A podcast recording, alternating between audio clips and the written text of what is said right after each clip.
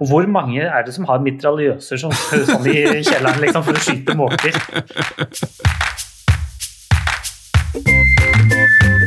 Hjertelig velkommen til episode 11 her på podkasten Norsk film er. Det er her vi velger en film og snakker og nerder om den i en hel time eller to. Eh, Og mitt navn det er Lars Kristian, og med meg så har jeg Robert. Hei, hei. Vi har passert episode 10, Robert. Ja, det er jo egentlig en bragd. Altså, hvem skulle tro at vi nådde episode 10? Men nå Ja. sitter vi her i dag. Ja, og det er jo ja, et lite, lite kakestykke. Men det er jo ti fantastiske episoder, altså med litt av hvert av filmer og temaer og personer vi har intervjuet, så det er jo eh, eh, verdt å gå tilbake og se eh, og lytte da, på det vi har gjort eh, fra før av. Det er jo kanskje, jeg er kanskje litt inhabil, men jeg synes jo det har blitt veldig bra. Episodene er jo bare blitt bedre og bedre, og så er det blitt lengre og lengre. Ja. Men vi håper jo da at dere syns dette er like gøy som oss. Vi koser oss og vi syns det er kjempegøy. Eh, Selv om de blir litt lange, så eh, håper jeg at dere får noe ut av dette her. Jeg syns egentlig alle sammen burde ta seg et kakestykke akkurat nå. Så tar dere kake mens dere hører på denne flotte filmen vi skal snakke om. Ja, og eh, ja, hva er det egentlig eh, vi skal snakke om? I dag skal vi snakke om eh, en norsk kortfilm, av alle ting. Den heter Tuba Atlantic og er regissert av Harald Witzøe.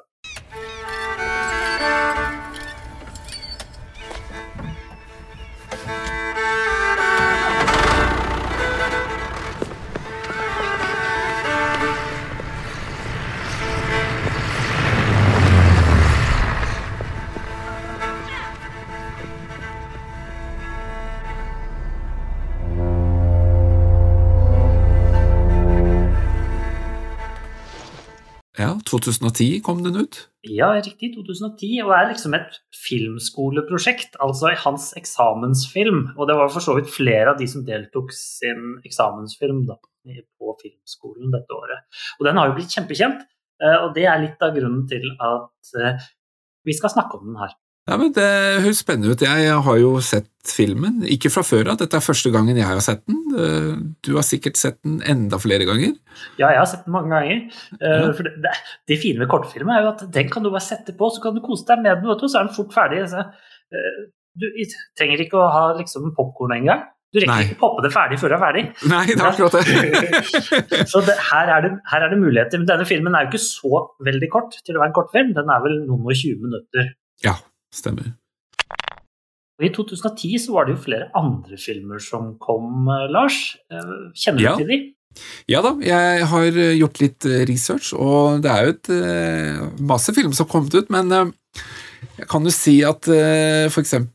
Kongen av Bastøy, som jeg selv så på kino, er jo en av de filmene jeg husker veldig godt. Nokas er jo en film som også kom ut i 2010, som er basert på dette her eh, bankranet, eh, eller ja, Ja, den husker jeg veldig godt. Eh, ja, jeg har ikke sett filmen, men jeg husker jo saken. Ja, Kanskje det blir en film gang i fremtiden? Hvem Ja, vet? det, ja det, det er jo en spennende sak, da. Absolutt en spennende fortelling. 'Trolljegeren' er jo en film som eh, kom ut, som er litt sånn slags mockumentary, eller sånn Blair Witch-aktig eh, film. Var ikke det Otto Jespersen og Knut, basert på Knut Nærum-greier? Hva annet er det? Varg VM kom jo ut med en film. Der er jo en drøss av filmer som eh, kom litt ut sånn direkte på film også. Denne her skriften på veggen. Vet ikke om den var en kinofilm, eller om det var en, eh, en sånn direkte på film eller video. Men det var det jeg eh, på en måte fant sånn av ting som jeg husker. Men eh, du, Robert, du har jo sjekka litt på eh, hva som rører seg av filmer i utlandet. Ja, og for et år 2010 var. Ja. Altså, hvis du tar og sjekker ut hvilke personer og hvilke filmer og regissører som var nominert til eh, Academy Awards eh, som eh, i 2010, da får du knallfilm på knallfilm på knallfilm. Oi. Og de er i hvert fall kjempekjente alle sammen. Vinneren for beste film dette året var jo Kings Speech. Ja, om han konge Var det vel King George, var det ikke det, som hadde en stemmefeil? Nei, Jo. som stammet Ja, ja, når ja. han skulle holde tale. En veldig fin film. ja veldig bra. Eller så er det eh, en annen av disse filmene som ble Altså, jeg kan nevne noen av de som ble nominert, da, som ikke vant. Mm. 127 timer, husker du den?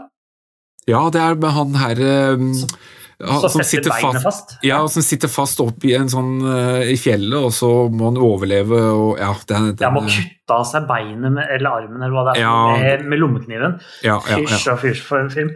Eh, laget av Paté Film, den der franske gamle greia som en gang i tiden lagde filmer om hundens eh, meritter. Oi. ja, så det, hvis du ikke har sett den, se Hundens meritter. Den er, kjempe, den er Altså- kjempe, kjempegammel. Samme, samme regissør, eller? Nei, sant? Nei, da ville han vært nesten 200 år gammel. Oh, ja, men, men det er en av de første franske filmene. Eh, Hundens Ja. meritter. Ja, heter den på norsk. Eh, tilbake til 2010. Black Swan, ja, med Natalie Portman. Absolutt, det er vel din favoritt, så vidt jeg vet. Ja, det, det er det faktisk. Det er en av mine favorittskuespillere, i hvert fall. Ja, ikke sant. Uh, Inception kom. Å, det er en bra film. Ja, The Social Network, altså denne Facebook-filmen. Ja, den har jo du prata litt om. Ja, og Toy Story 3 kom. Oi! Ja. Er den, de kom ut så eh, det året, ja. ja. Så her vil jeg jo si at det er veldig mye beste supporting actor var eh, Christian Bale i The Fighter. Altså det er masse filmer her som er kjempekjente, og skuespillere som gjorde det veldig, veldig bra. ja. Eh, kan nevne et par andre skuespillere her, f.eks.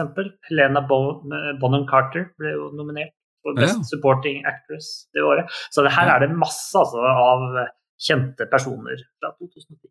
Strålende år. Men Du nevnte litt sånn Oscar-nominasjon, men den filmen vi skal snakke om i dag, har jo også eh, eh, tilknytning til noe Oscar. Ja, den har jo det på mange måter. Eh, For det første så er det jo sånn at eh, denne filmen vant jo student-Oscar. Ja, Eh, Og det er noe jeg har tenkt å nevne litt grann her. fordi student-Oscar det er ikke noe vi hører så mye om. Har du egentlig hørt om det før?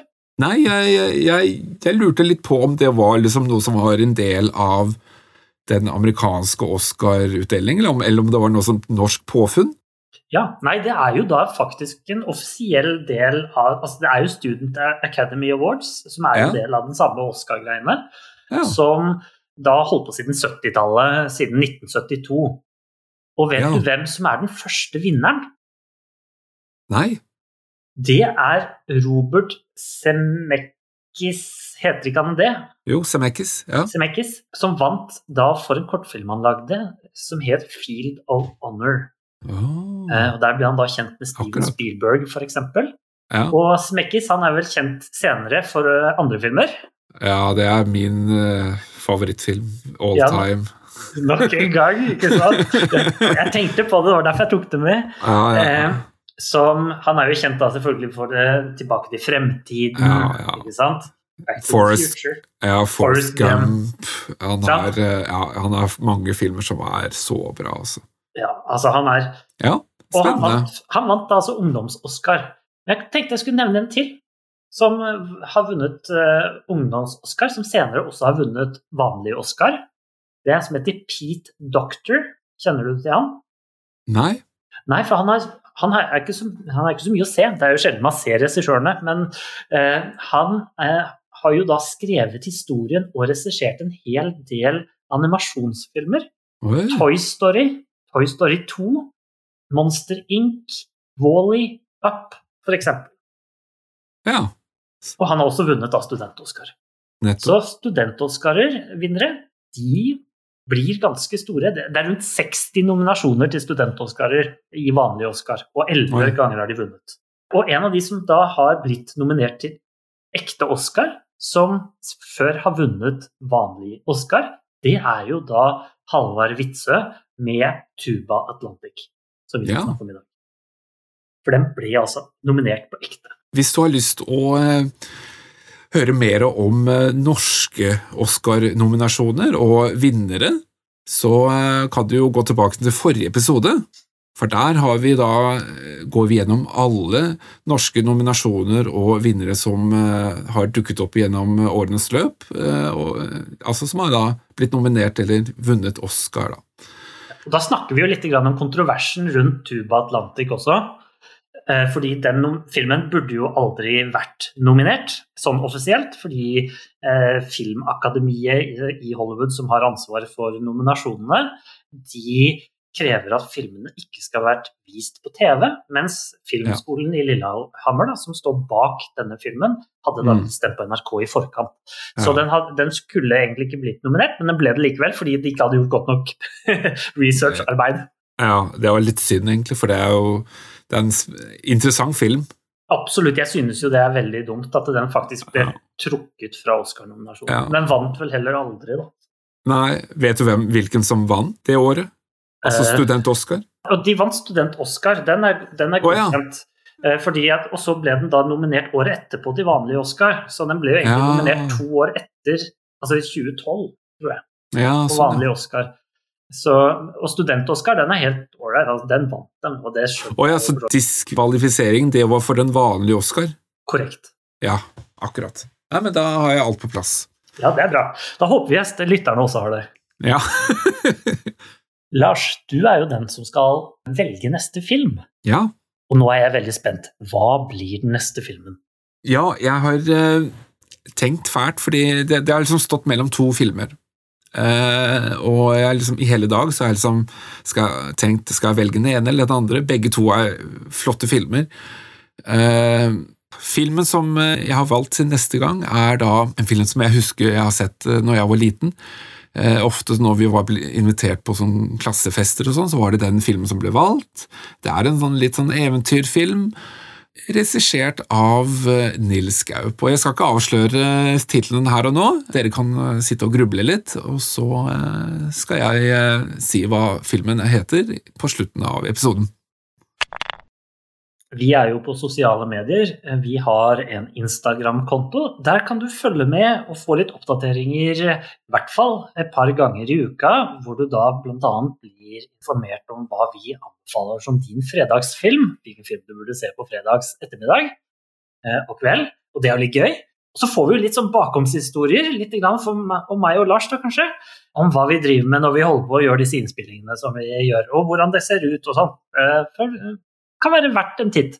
Eh, men vi er jo også på andre steder. Vi har, alle episodene havner jo på Spotify, blant annet. Eh, men ja. de sendes jo andre steder også, Lars. Ja, så er vi også på Apple og Google. Og dessuten også på YouTube eh, legger vi også ut episodene våre. Har du kommentarer eller tips til filmer som du har lyst til at vi skal snakke om, så går du da inn på Facebook-siden vår. Der kan du legge igjen en kommentar. Ja, er, det er jo mange forskjellige sosiale medier du kan nå oss på, så vi leser kommentarene uansett, om de kommer på YouTube eller Facebook eller hvor de måtte være. Vi legger også ut linker og notater på episoden, sånn at du kan følge med der hva vi nevner av filmer sånn ellers i episoden.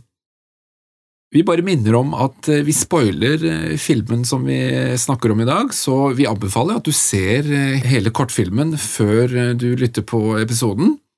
Den ligger ute på sosiale medier, altså eller på Vimeo. Vi legger en link i episoden, så da kan du følge den linken og se filmen først. Og så gå tilbake til oss og så lytte på våre nerdinger og kommentarer til kortfilmen. Eller så kan du selvfølgelig se den samtidig. Scene for scene med oss. Det er jo litt koselig, det òg. Det går jo også an. Uh, Kanskje best å ha sett den én gang først, og så gjøre det etterpå. Ja. Det vil jeg i hvert fall anbefale. Men uh, hva handler egentlig den uh, kortfilmen om? Jo, det, det, her er jo faren, ikke sant. Å, når jeg skal si hva den handler om, så har jeg sagt hele filmen. Ja.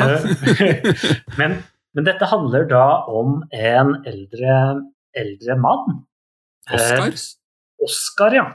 Eh, en eh, enslig gammel mann som drar til legen, får vite at han skal dø.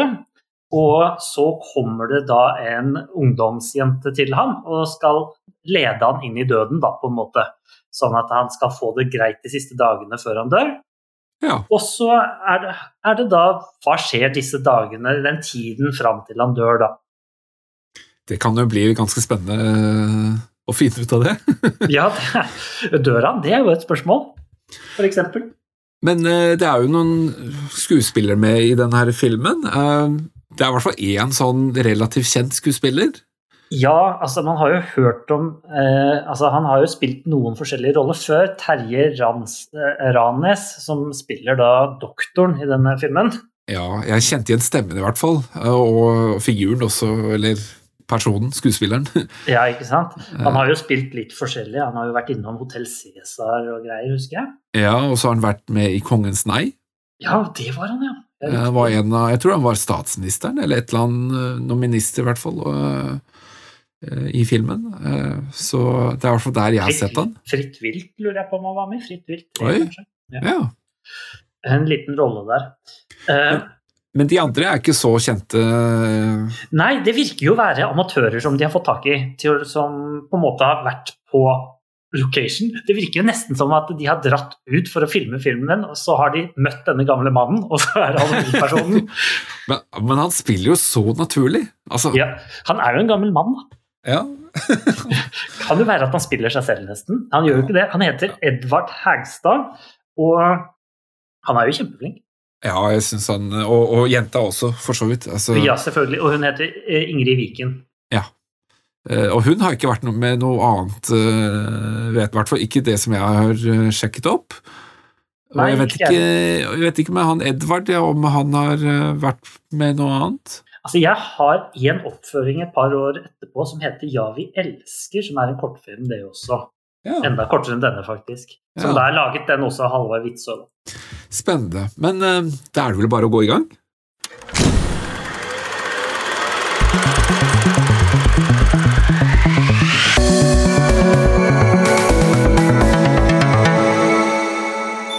Tuba Atlantic er jo et veldig rart navn, da?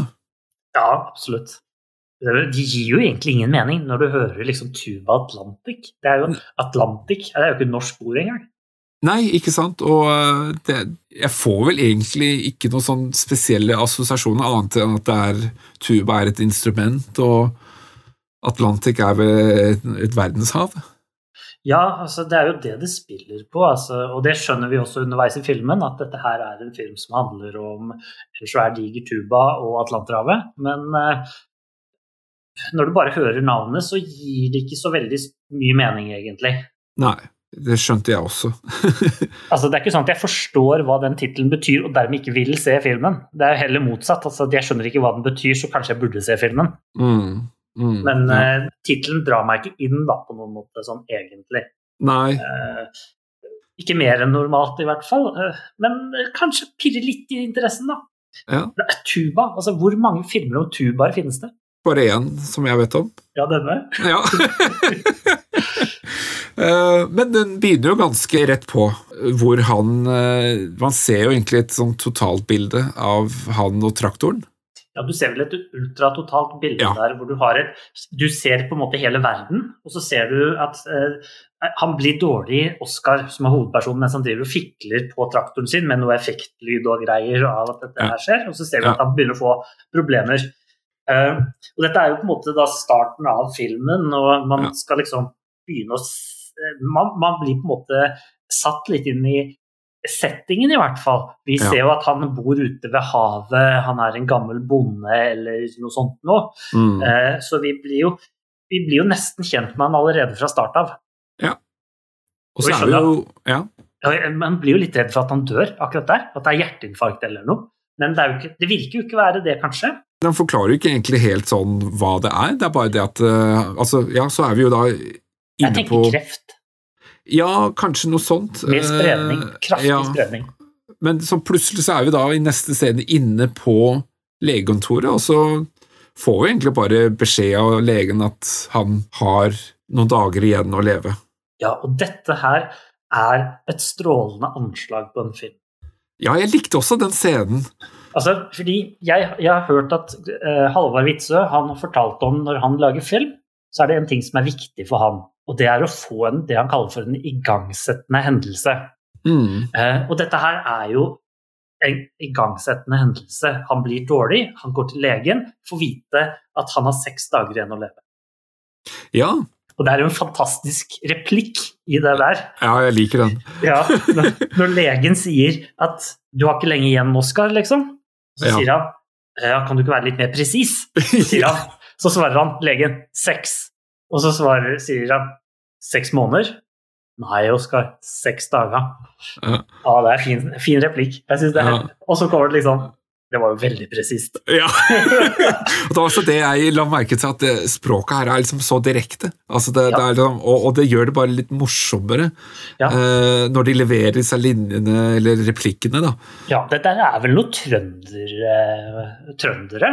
Ja, det er i hvert fall et eller annet oppi altså, Det er noe Trøndelag kystområder, eh, noe sånt nå. Og altså når, når han senere kjører over den broen, ja, så tenker jeg Tromsø. ja, men jeg tenker at dette er trøndere, fordi at den bruker Ja. sånne trønderuttrykk underveis. Ja, ja jeg, jeg, jeg skal ikke si Halvard Witzøe, er ikke han trøndere? Det kan godt hende. Jeg, jeg, så, jeg, så, jeg så et intervju med han, og da snakka han ikke trøndersk, men det, det, det kan hende at han har lagt om dialekten. Han er, han er fra Leksvik i Indre Fosen i Trøndelag. Så da har han lagt om dialekten sin. Ja, jeg tror heller det. ja. men, men det jeg skulle si, det er jo at dette her er jo en kortfilm, så man har jo ikke tid til å hva skal man si, ha disse lange scenene med lange dialoger og altså, Det er jo rett på, sånn som på det der legekontoret med, hvor han får vite hvor mange dager det er igjen. ikke sant? Altså, det, det går rett på, ikke sant? Og man får jo liksom vite altså, at han har kort tid igjen å leve, han, og at han ønsker å dø hjemme. Og også det at han har en bror som han ikke vet om lever lenger. Ja, Du får disse her premissene servert ganske tidlig, som på en måte er viktig for eh, filmen. På måten liksom replikken her blir levert på, så skjønner vi alle konfliktene allerede. Ja. Og vi skjønner også at det er t- eh, kryssende konfliktlinjer i denne filmen som gjør at dette her kommer til å bli en film som kommer til å rase av gårde, uansett om hovedpersonen nesten er 90 år. Kanskje Ja. han er 100. Ja. ja.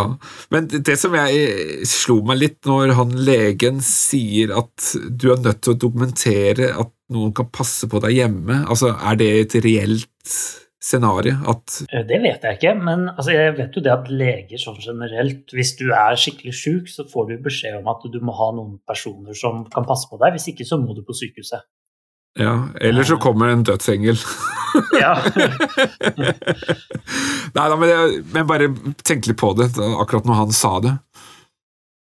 Ha- Han er jo en type som er enstøing har bodd for seg sjæl i kjempelenge, sikkert. Og Ja, han klart, har klart seg sjæl alltid. ikke sant? Han har levd gjennom krigen og det som måtte være. ikke sant? Og han, han trenger da ikke hjelp av et eller annet derre tussete menneske for å dø. Det skal han i hvert fall klare sjøl. Nei, og, det, og jeg tenkte også litt på akkurat det der med hva slags person han er, fordi senere, så når han kommer hjem, så kobler han til telefonen, altså han, og det vil si at han pleier å koble av telefonen når han ikke bruker den. Når er ikke det greit, da? Jo da, eh, det kan godt hende at det er greit, men det, det sier jo også meg at han er på en måte en sånn asosial person som ikke vil ha kontakt med omverdenen, eh, kanskje introvert, en original, på en måte en raring, da. Noen vil kanskje si det. Litt sånn isolert fra omverdenen. Det er liksom de assosiasjonene jeg får om han.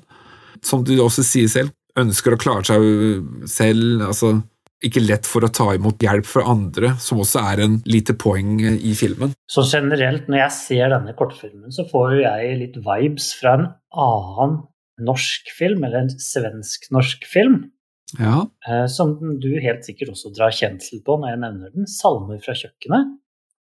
ja Har du sett den? den har jeg sett. Den er litt det samme. Der skal det foregå et forskningsprosjekt på eh, enslige menn.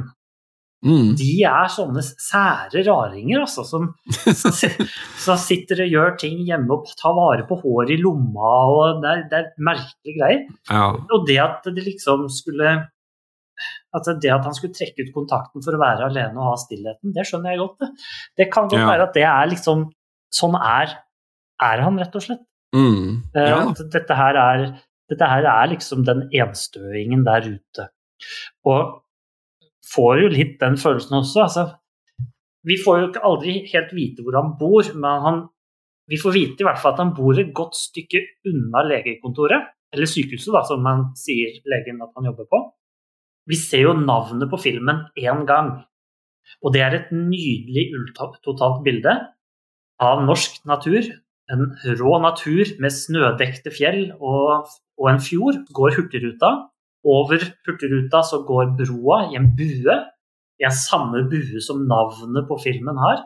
Og over den brua så kjører det en traktor med en gammel, gretten mann. Jeg liker sånne de derre utsnitta, da. Eh, ja. Eller, fordi, fordi måte, det er nesten som et stillbilde. Altså, eh, mm. eh, hvor du bare ser eh, traktoren beveger seg liksom langt der borte og på broen. Ja, og jeg, jeg fikk litt sånn fikk litt sånn vibes fra andre ting igjen. altså. Det, det, her, det virker å være litt sånn dypfokusaktig. Ja. At det er liksom Den traktoren er litt viktig likevel. altså Du kan se den åpningsscenen uten å tenke at det er en traktor som kjører der i det hele tatt. Man får litt sånn Postman Pattern, sånn når man kjører ja. over disse broene og sånn. ja. Men så får jeg også litt sånn Wes Anderson filmaktig ja. følelse. Ja, hvor du ja, har disse store utsnittene hvor det skjer noe veldig små sånn bevegelser noen steder. Enten folk som løper et sted eller kjører et sted osv. Jeg får litt den feelingen når jeg ser den brointroen der. Er det etter at han har vært hos legen, eller er det før? Ja, det er jo når han har vært hos legen, så skal han kjøre, har fått vite at han har seks dager igjen, så skal han kjøre hjem til seg selv. Hvor han da skal prøve å ringe broren sin. Men jeg la merke til en sånn liten ting. Ja. Fordi før han uh, drar til legen, altså når uh, først, alle, alle første scenene eller bilder vi ser, ja så hvor han står ved traktoren og så tar han liksom det til hjertet eller brystet, liksom, for, for, at man skjønner at det er et eller annet som feiler ja. han, ja. så er det helt bart. Ja etter at han har vært hos legen, så er det masse snø! Så er det, der det, er det, der er lava ned. Så her er det et eller annet som eh, det, det, skur, det, skurrer for deg? Ja, altså, jeg, jeg, altså, Det er ikke sånn at det ødela filmen, men det er bare sånn, hm, ja, det var litt morsomt at, eh, at det var liksom plutselig snø når han kjørte hjem fra legekontoret. Ja, altså sånn Det er vel litt uheldig med opptak, rett og slett. Ja, Det eh. kan godt hende at den øya så, ligger så langt ute og at det er så mildt at det ikke er snø der. Ja, riktig. Det, det, tenkte jeg også, men rett etterpå så får vi jo se hvordan det er når han er hjemme igjen, og da er det jo masse snø overalt. Ja, så...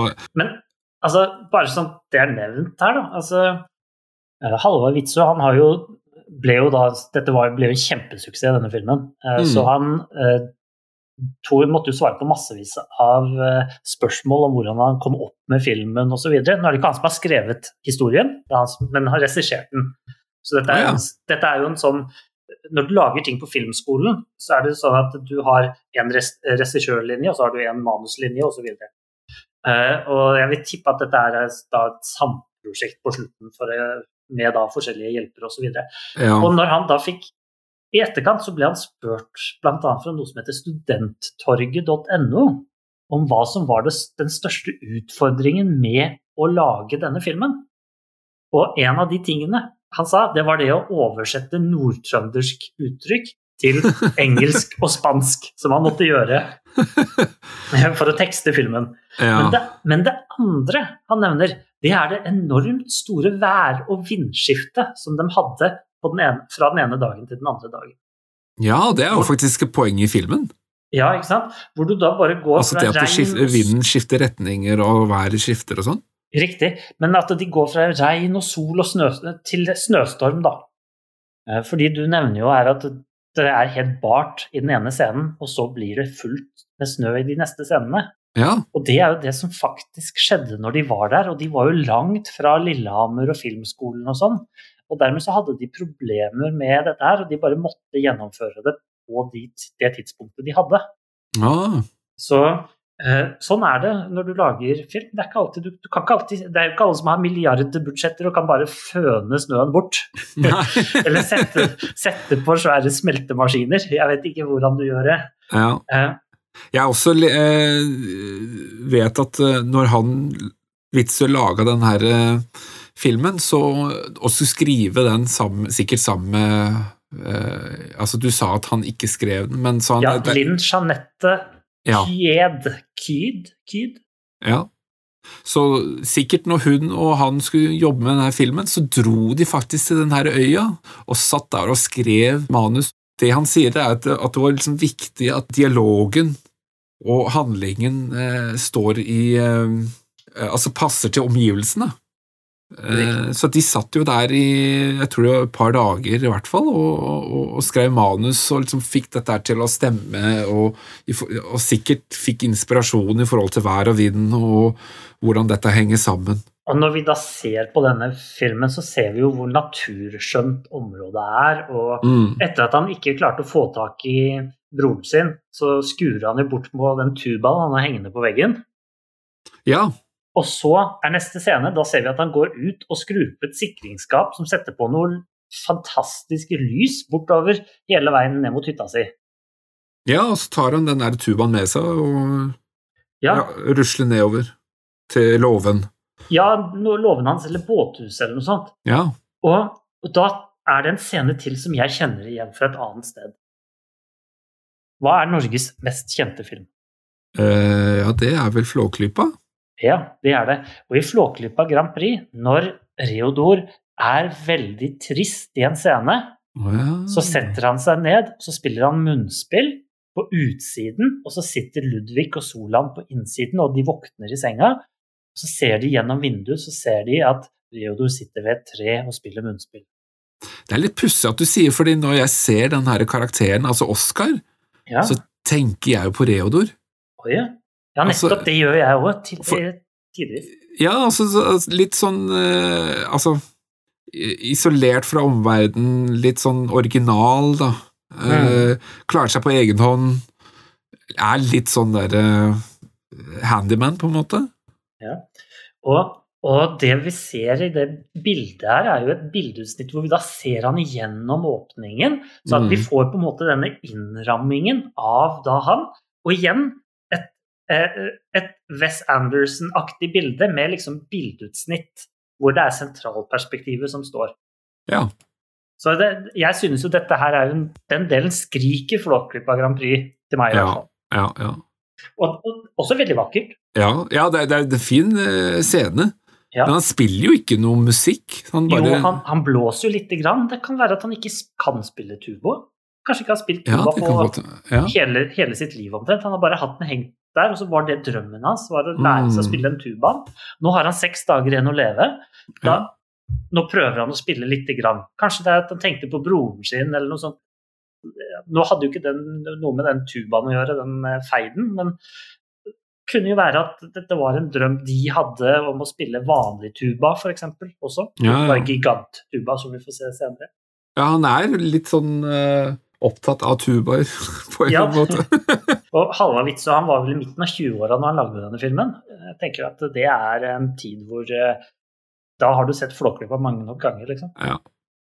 Flåklypa har sikkert inspirert eh, mange hva skal man si, nåværende regissører og folk som jobber i filmbransjen. Helt ja, sikkert. Både direkte og indirekte. Men eh, ja, så det blir neste dag. Ja, og nå skjer det jo også noe veldig viktig med en gang. Fordi Oskar begynner jo nå å telle dager i kalenderen sin. Ja, for det Eller det gjorde han egentlig rett etter at han kom hjem, gjorde han ikke det? Nei, han tar han 2. april, så ringer han rundt. Det er etter at han har sittet der. Da teller han opp og sier at oi, nei, nå har vi Altså, da ser han at dette er så langt jeg har igjen. Mm, Mens ja. bingoen går på radioen. Ja, med den kjedelige stemmen. Ja, ja. Men vi hører at det kommer noen på besøk, da? kommer på en ja. sånn eh, motorsykkel eller moped. Eh, motorsykkel er det vel, kanskje? Ja, jeg vil jo tippe at det kanskje er en moped, tatt alderen hennes i betraktning. Jeg tenker at hun skal være ca. 16. Det er jo da Ingrid, er det det hun heter? Altså ja, karakteren? Ja, hun heter Ingrid, denne karakteren. Noe som er litt sånn Hun heter jo Ingvild, egentlig. Så det ja, er ikke så langt. Ja, det er ikke langt unna, det. Men det, hun er i hvert fall den kommunale Hva hun kaller det? Kom, hun er liksom tildelt en rolle Hun er en dødsengel? Ja, men hun sier sånn, jeg er den kommunale dødsengel, er det det? Eller et eller annet sånt? ja, jeg er liksom den lokale dødsengelen, ja. Ja, ja, stemmer. Fra Jesusklubben. Ja, riktig. Og det er liksom mest irriterende gladkristne jenta jeg har møtt noen ganger. Som tydeligvis er ekspert på psykologi. Ja, ja, åpenbart. Ja. Men dette her skal jo også være litt sånn ungdommelig livsglede, ikke sant? Ja. Masse, masse livsglede, masse å leve for. Og så kommer hun til den der gamle enstøingen som bare vil være i fred og dø for seg sjøl. Og, og, hun er jo bare så positiv som uh, det går an å bli. ja, ikke sant? men, men, hun har jo den her uh, boka med seg, ja. med disse her stadiene. Med et eller annet sånn hvordan man skal takle og håndtere sorg hvis man skal dø, eller et eller annet. Riktig. Og dette er jo faktisk en eh, virkelig greie. Det starter jo da med en fornektelse, og så er det sinne, og så er det forhandling, depresjon, og så til slutt det er jo da aksept. Altså at man aksepterer situasjonen sånn som den er. Og dette er jo noe som en person, altså en Elisabeth Kübler-Ross heter hun, altså jeg tror hun er tysk-amerikaner eller noe sånt, som laget denne modellen for å forstå hvordan pasienter som da har fått uh, nyheten om at de skal dø, eller et eller annet, at hva slags prosess de går igjennom. da, og Så kom hun da opp med disse her fem stadiene. da. Det har jo vært kritikk sånn i etterkant. altså at Noen mener at den ikke helt stemmer, andre mener at den på en måte gir et ganske greit bilde på hva mange mennesker går igjennom. da. Dette var noe hun jobba ut i 1969. Men i denne filmen så stemmer det i hvert fall. Ja, den her Jesusklubben har jo da gjort en sånn De har gjort en sånn liten modifikasjon, da, hvor den her tredje punktet, altså forhandling med guden, kaller de det da, de setter det da inn i et eh, religiøst perspektiv, da, eller kontekst. Ja, Noe som er naturlig å gjøre, egentlig, på en sånn eh, Bygde-Norge. Ja. Men det som man kanskje tenker seg, er jo det at eh, i ungdommen i dag er den minst religiøse delen, og at det er gamlingene mm. som er religiøse. Her er det jo det motsatte. Ja. Denne gamle ja. enstøingen her, han klarer seg sjøl, han trenger ikke noe hjelp fra noe overguddommelige eh, greier. Det er jo disse her stadiene vi egentlig følger sånn ganske punktlig gjennom eh, kortfilmen. Ja. Hvor de da begynner med den fornektelse. Altså Han får jo da beskjed fra legen eh, den her deprimerende, negative nyheten at han skal dø om seks dager. Og han er jo ikke den personen som setter seg ned og i en stol og venter på å dø. Han prøver liksom å la dagene gå videre. Prøver liksom å fornekte at han skal dø, da. Mm. Men han teller jo ned dagene. Altså, Nyheten har jo påvirket ham på en eller annen måte. Ja, Så han fornekter det ikke 100% Han i hvert fall forstår at det skal skje, men, men han på en måte gjør seg selv Kanskje han godtar det? Han vil jo ikke ha hun jenta der i det hele tatt, altså til å hjelpe seg og sånn. Så... Nei, fordi En av grunnene til at hun er der, er jo for at han skal ha noen å snakke med i de siste dagene. ikke sant? Å kunne liksom fortelle livshistorier og sånn som ja. gjerne skal bli bringt videre. da, ikke sant? Og det er han jo ikke interessert i. Og hun, og hun er jo egentlig litt i forkjøpet. Altså å si sånn Ja, i dag er du, kommer du til å fornekte, og i morgen er du sinna. Ja, ikke sant? og det fornekter han jo. Nei nei, men dette stemmer ikke, og jeg ja, jeg vil bare dø i fred, liksom. Ja, og så, og så er det jo det at de De drar vel ut og um, jakter på Eller han, han, jakter vel på disse måkene? Ja, det, det, her er liksom det neste som jeg tenkte jeg skulle si litt om. Ja. Her får jeg nok en norsk konnotasjon fra norsk populærkultur. Ja. Odde Børresen. Ja, måker. Skal ja. ha, skal ha, skal ha. Ja. Disse måkene, de bråker, og de klager, og de skriker, osv. Og, så og bakpå han, fyren, han gamlingen, på kjeledressen hans Ja, hva er det står der? Ja, så står det jo noe greier. Det er en jobb han har. Eh, nei, jeg lurer på om det kanskje er hans egen rolle som han har tatt. Ja, Så det er ikke en offisiell kommunal jobb? Eh, nei, jeg lurer på kanskje ikke det er det. Ja, for jeg tenkte litt på det. Der. Er det der en greie? Noen sånn der måkepatrulje, eller et eller annet sånn uh, Ja, jeg vet ikke. Ja, jeg, jeg lurte litt på dette her. Det er helt åpenbart at han fyren her, han hater måker. Ja, det gjør han jo. Så kaster han fuglemat foran seg, så tar han mitraljøse, og så skyter han alle måker mens han spiser. Det er en fantastisk scene, altså. Ja, så det er jo du, du, ser liksom den mitraljøsa, du ser bare ratatatat, ikke sant? Ja, ja, Du skyter som bare det. Eh, og han skyter jo en hel, hand, en hel sånn der tøykurv full. Ja. Men jeg, jeg, tenker litt på det der, fordi altså, måker kan jo faktisk være et problem, altså for eksempel for fly og sånn. Ja. Så det kan jo hende at det faktisk er en greie at han prøver å redusere måkebestanden? Det kan jo godt være, men det får vi jo aldri vite. Vi får vite Nei. at han har den kjeledressen som potensielt er en ting, eh, men mm. potensielt er bare han som er motstander. Altså, du finner mye rare bygdeoriginaler ikke sant? som ja. er motstandere av alt mulig rart. Og det kan godt hende at dette er noe han har funnet på sjøl. Ja, og Hvor mange er det som har mitraljøser som, sånn i kjelleren liksom, for å skyte måker? Nei, det er ikke mange jeg kjenner. Nei, ikke sant? Men, men, men her får vi også vite en annen ting. Ja. Her settes jo et nytt premiss for filmen. Ja. Fordi han gir jo denne jenta en utfordring og sier det. Hvis du kan skyte én måke ned med ett skudd, ja. så skal du få lov å bli og støtte meg til jeg dør. Ja, fordi han, han, tror aldri på at hun klarer å skyte ned en måke. Hun skyter jo da i vådeskudd. Ett skudd, liksom, og så pum! så faller denne måka ned. Vet du hva, jeg, jeg, får faktisk en assosiasjon til en annen film. Ja vel? Karate Kid. ja, ikke sant? Eh, for der er det jo en scene hvor eh, han her, mister Mr. Miyagi og Han sitter jo da hjemme hos seg selv og så prøver å fange fluer med sånne spisepinner. Og så eh, han gutten, han, han, han ser at ja, men dette er jo kjempeenkelt, er det så vanskelig, liksom? Og så han får det jo liksom til på første forsøk. ja, ikke sant. Ja. Så jeg, dette er, minner meg litt om akkurat det der. Ja, Men nå, der tenker jeg at det er litt forskjell på en spisepinne og mitraljøse. Ja, ja. Men, Fordi men tenker... hvem, gir, hvem, gir, en sånn hva skal vi si, 16-17 år gammel jente en svær diger mitraljøse? Nei, det, det, kan du si. ah, ja. Nei, den er, det er en fin scene, altså. Og den, den er humor, altså. Den er, den er, så spot on. Ja. Men det er også en annen ting. Ja. Akkurat det der med at han utfordrer henne til å skyte en måke, og så får hun det til. ikke sant? Det viser jo liksom bare det at livet liksom går litt imot han. Å ja, riktig det. Hvis vi spoler litt tilbake til det der legekontoret, etter at han har vært hos legen og går ut og setter seg inn i, i eh, traktoren Akkurat idet han setter seg inn, så skiter liksom en måke ned på traktoren hans. Mm. Uansett hva han gjør, så, så skiter jo liksom livet på han. Det er typisk at det er måker òg.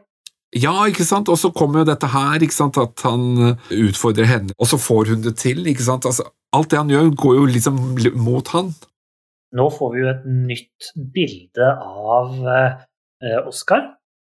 Ja, er det natt? Ja, fordi at nå er det jo i hvert fall blitt mørkt, og da eh, Ingrid har jo gått hjem. Mm. Eh, for hun kommer jo hver dag, virker det som. Altså kommer om morgenen og går om kvelden. Ja. Eh, det er jo ikke et sånt fulltidssykepleie, dette her.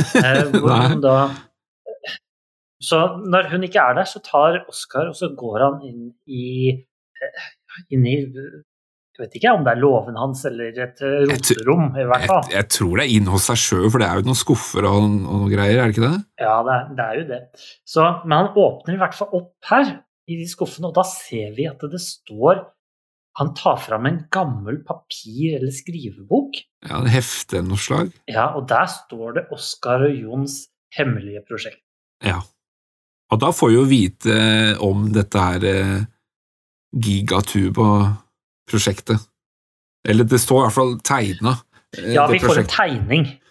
Nok en litt sånn Reodor Felgen-aktig ting. Ja, det er sant, det. Det er, ja. det er litt flåklypa over dette her. Ja. Det er flåklypa uten bilkjøring. Ja, det er litt uh, motorsykler, da, men uh, ja, litt sånn fart og spenning. Men uh, ja, ikke noe bil. det, ja. ja, det er trak traktorkjøring, da. det går jo veldig sakte. Men uansett, når han sitter der, så får vi liksom følelsen av at kanskje Oskar egentlig synes at den der konflikten med broren egentlig var litt dum litt trist ja. at det egentlig har skjedd. Fordi når han er på legekontoret, hvis vi går tilbake til det, så er det jo liksom, da er han den der Oskars enstøing som er sur og gretten og sier at broren kunne like så godt vært dau. Ja. ja. eller han vet i hvert fall ikke om han lever lenger, og han Nei, bryr seg ikke. Ja, Det er helt åpenbart at han bryr seg ikke om det. Ja. Eh, mens når han ser på den der maskinen som de har bygd, eller tegna i da, i hvert fall, for vi ja. vet jo ikke at den er bygd ennå, egentlig. Nei, har vi, har vi ikke sett uh... vi, vi, har, vi, har, sett at det er der noe greier under en ja, en presenning. Ja. ja vi har aldri sett hva det er. Nei, nei stemmer. Så, så, dette er første gang vi ser en skisse av et eller annet prosjekt som han har, som han mm. har hatt med broren sin. da. Og, ja. og, da får vi også, da blir vi kjent med Oskar på en litt annen måte. Vi, vi kan nå vite at denne Oskar han har ja, han har noen følelser for et eller annet greier. Eh, mimrer i hvert fall tilbake til gamle tider. Ja, men ikke bare det, for han er jo oppe hele natta. Ja, han prøver å få den til å funke. Ja, riktig. fordi at her, Og da, da, skjønner vi at da ser vi liksom at dette her er noen svære greier igjen. Vi ser nok en gang sånn ultratotalt West Anderson-aktig greie hvor vi ser mm. noen små, småting nedi hjørner som beveger seg, og det er det. Det er jo fantastiske bilder. Bare. Men er det før eller etter at han har hørt på radioen? Fordi han hører jo på radioen at vinden skal snu, altså fra øst til vest. Ja, eh, det er før. Så han hører på radioen før, og så Nei, nei, nei, motsatt. Å oh, ja, ok, ok, ok. Så det er etter at han har vært og, ja. ut, ut, og dette, altså, det, dette er jo kronologien i det. ikke sant? Altså, han, hun jenta er hos han og har fått nå klart å syte denne saken. Mm. Istedenfor å gå og legge seg, som ville være en naturlig ting når hun dro. Ja. Så går han ut, og så mimrer han, og så tenker han nei, kanskje vi skal gi det en sjanse. Skal vi ja. prøve? Ja, ja, ja. Og så holder han på med det hele natta, og så er det neste dag. Og da ser vi at han eh, river av kalenderen, og så kommer hun jenta inn, da. Jo, men før det er neste dag, så hører han på radioen at vinden skal snu. Nei, gjør han ikke det? Han, jeg mener han hører det når han sitter der på frokostbordet og er ganske trøtt. Ja, det stemmer det. stemmer Og så kommer dødsengelen på besøk igjen. stemmer Ja, så kommer hun på besøk igjen og begynner å snakke med han, og hun er jo i tusen energi som alltid. Ja, og så, og så stryker hun ut første punktet, for nå er det Altså, fornektelsen er ferdig. Riktig. Uh, og så er vi liksom over på neste punkt, ikke sant? Jeg er litt usikker. Er dette egentlig første gang vi får lov å se inni boka, kanskje? Ja, det er det. For da ja. ser vi alle de punktene, ja. Eh, de fem stadiene. Da sitter jo de og snakker sammen, og Oskar er jo ikke spesielt interessert i dette. Han er Nei. mer interessert i da denne måkefella. Ja, så, så, så er litt, ja, det er måka som er rett utafor vinduet. Yes. Uh, så han har helt sikkert lagt ut litt mat til måka. Og over den så, så er det jo en svær digg vaskemaskin. Ja. Som han da har en hendel til, som han kan da slippe ned og ta ja. livet av måka med dette her. Men det, skjer, ja, men det, som skjer, samtidig, er jo det at hun prøver å ha en samtale med han. At uh, ja. spør ja, men har du sovet dårlig, har du sovet godt. Han er litt mer opptatt av andre ting. Og så sier hun jo at ja, men jeg har noe som kan hjelpe mot dette, ikke sant? Så, så tar hun fram en sånn pilleboks. Ja, det er jo sovetabletter. Ja, ikke sant? Og så eh, prøver å eh, helle oppi én pille. Og så heller hun oppi masse. Ja, men, men, det som er, det er et uhell. Fordi når han drar i den derre hendelen, ja. så skumper han borti hendene, og så røyser hun masse piller oppi, og så får hun det der uttrykket 'oi, hva skjedde nå?' Ja, riktig. Og så drikker han jo den der eh, teen, og så blir hun helt sånn der 'oi, hjelp, hva, hva, hva gjør jeg nå?' Og så går hun bort og lager kaffe. Ja. Og jeg, skjøn, jeg skjønte ikke den før jeg så den andre gangen. Nei, riktig. Men han vet jo ikke at det skjer. Nei, nei. Han, han, han, følger ikke med på henne i det hele tatt. Nettopp. Han, han enser jo ikke at hun prøver å dope han ned. Eller, eller hun, gjør jo ikke det med vilje, men eh. ja. Han får jo ikke med seg noen av spørsmålene i det hele tatt. Nei, nei, nei, nei. Her er det én ting som gjelder, og det er å få liv av denne uh, måka. ikke sant? Ja, ja. Ja, jeg, jeg, skjønte ikke først hvorfor hun skal få han til å sove, og så skal hun lage kaffe. Ja, riktig. Men jeg skjønte det nå når hele greia egentlig var et uhell. Og så mm. prøver hun å lage kaffe for å vekke han opp igjen, men da er det for seint. For, for, han har jo falt om på bordet inne i stuen. Ja, riktig. Og akkurat i det tidspunktet så tror jo hun at hun har tatt livet av han. Ja, ok, ja, det har ikke jeg tenkt over. Det, det virker nesten sånn, for hun går veldig sånn forsiktig bort, og så sjekker hun, og så ser hun at han puster, og da puster hun letta ut. Å ja, fordi han ikke er død? Jeg trodde det var det hun ville. Ja, Men hun ville jo ikke at hun skulle ta livet av ham. Oh, ja. Nei, det er sant. det er sant. Men, men ja, det var faktisk et lite poeng som jeg glemte å si i stad, når de drev og jakta på måkene. ja, for hun kunne jo bare skutt ham. Ja, ja det, det, det tenkte ikke jeg på, men det er sant. Og da ville hun jo blitt engel. I nettopp. Ja, kanskje, det er noe som sier at hvis du tar livet av dem, så blir du ikke engel. Nei, da blir det kanskje andre veien. Ja, ikke sant? Det ville være dumt, da. Men, Blir men, faktisk dødsengel? ja. men det som jeg tenker på, det er jo en parallell her, for hun er jo dødsengel. ikke sant? Hun skal liksom lede han til døden. Mm. Men det er jo han også. Han er jo også en form for dødsengel altså i forhold til å, å drepe disse måkene. Ja. Altså, han, Det er sant. Han, han, han er bare litt mer direkte. Altså, han er jo han dreper jo måkene selv, men han er jo der og til stede når de blir drept. Så de er litt i samme bås, på en måte. Og det er også en litt morsom kommentar der. Har du ikke fått sove i natt? Jeg har noe som kan hjelpe. Du skal få en sovepille. Kom da, kom da, kom.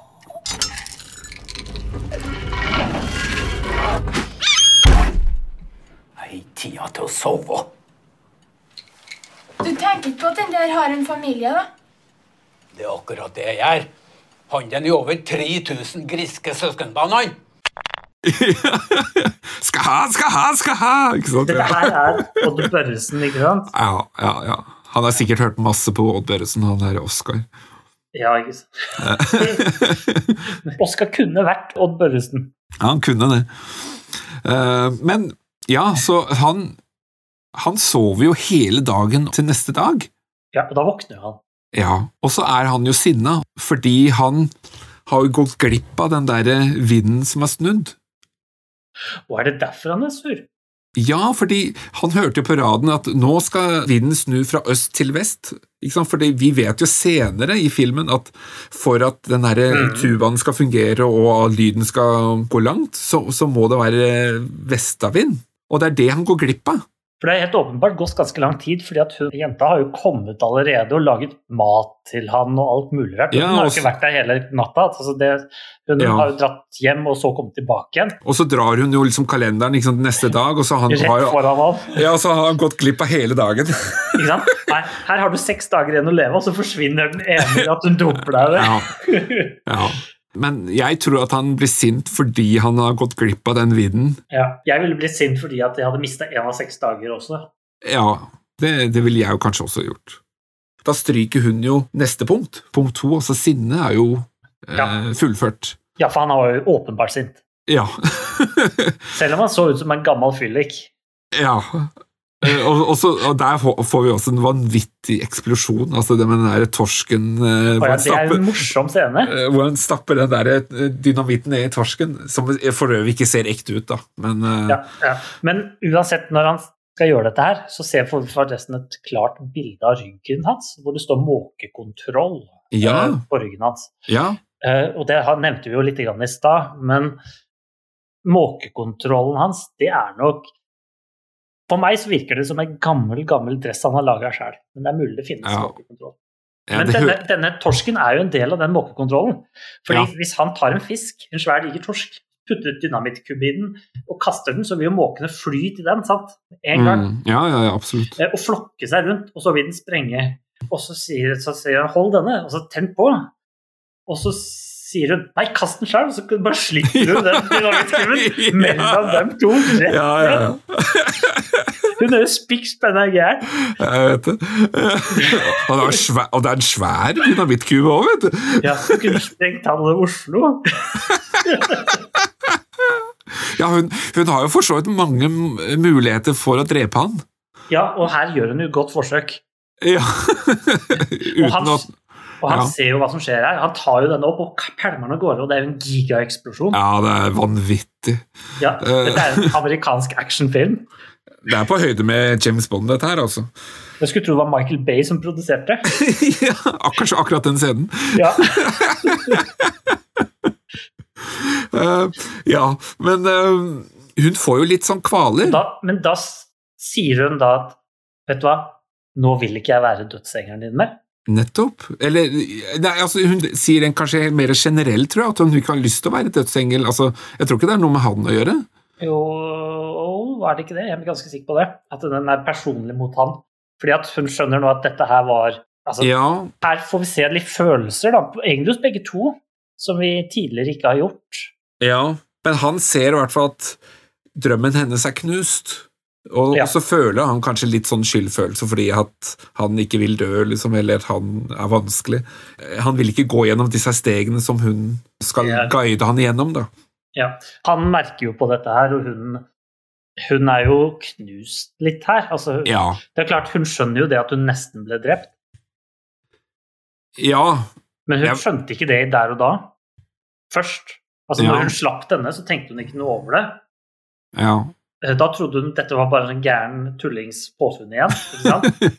Og så skjønte hun at oi, dette var faktisk kjempeseriøst. og Denne fyren er jo farlig, han vil Ja. ha noe med å gjøre. ikke sant? Og Ja, ja, dette her mer. Eh, og han er jo, vil heller ikke ha meg her. Han kunne like så godt ta livet av meg òg. ja. Kanskje, kanskje det er det som skjer til slutt? Ja, jeg trakk ikke de konklusjonene. Jeg, jeg tenkte bare at hun var på en måte deprimert. Ikke så veldig mye av han, men, men i hvert fall så blir han litt mer sånn vennligstilt overfor henne. Ja. Og så sier han at han har en overraskelse. Ja. Og hva er egentlig overraskelsen? Det er det jeg ikke helt skjønner. Men, men, men altså, altså Hun sier jo at 'jeg vil ikke være dødsengelen din mer'. Ja, Så sier, drar han, sier, sier han din? Ja, hun sier 'jeg vil ikke være din dødsengel mer'. Og så bare det går hun, fordi hun vil ikke være dødsengelen hans lenger. Ja. Og da, Så hun drar tidlig den dagen, rett og slett. ja. Så nå ligger han våken i senga stirrer i taket. Jeg tror det er det vi skal i hvert fall ja han, får, det, det som skjer. han får litt dårlig skyldfølelse for at han har liksom drevet henne bort. da. Ja, jeg tror han får dårlig samvittighet her. Og så blir det morgen neste dag. Han trekker en kalenderdag. Det er 1. april. Hører Ja. på bingoen som normalt, og, og så videre. Så bare dukker hun jenta opp igjen. Ja, men det er jo litt rart, da. Ja, jeg synes det er veldig merkelig. Altså, Er det sånn at hun nå da har er det Noe vi ikke får vite er fordi det er en kortfilm. Altså at hun har dratt til denne stiftelsen som hun holder på sammen med, og sagt at 'jeg Mm. vil ikke mer', og så sier de 'jo, du må'. ikke sant? Jesusklubben, ja. Ja, Jesusklubben, altså. Jo, da du må, ikke sant? Ja, du må gjennomføre det. Ja, ikke sant? Enten til han overlever, eller at eh, han dør. Jeg oppfatter ikke at det var liksom gått en ny dag, men jeg ser jo det nå. Ja. Og det, det er jo selvfølgelig en ny dag, og da får vi jo se dette stedet i all sin prakt. Det er jo nydelig vær, Mm, ja. godt med vind. Vi ser liksom dette naustet og denne gigamaskinen som Ja. står nede ved havet der. Ja, ja, ja. og hvor de snakker sammen.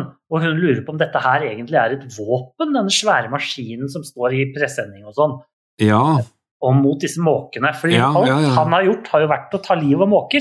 ja. Så dette her må jo være det også. Og da begynner han jo å fortelle om broren og at de ble uvenner Ja. på grunn av en klokke som faren sa at han skulle ha, eller arve, men at i testamentet så sto det at eh, broren skulle få den. Så det er jo, det, det, her er jo liksom konflikten på hvorfor de er blitt uvenner.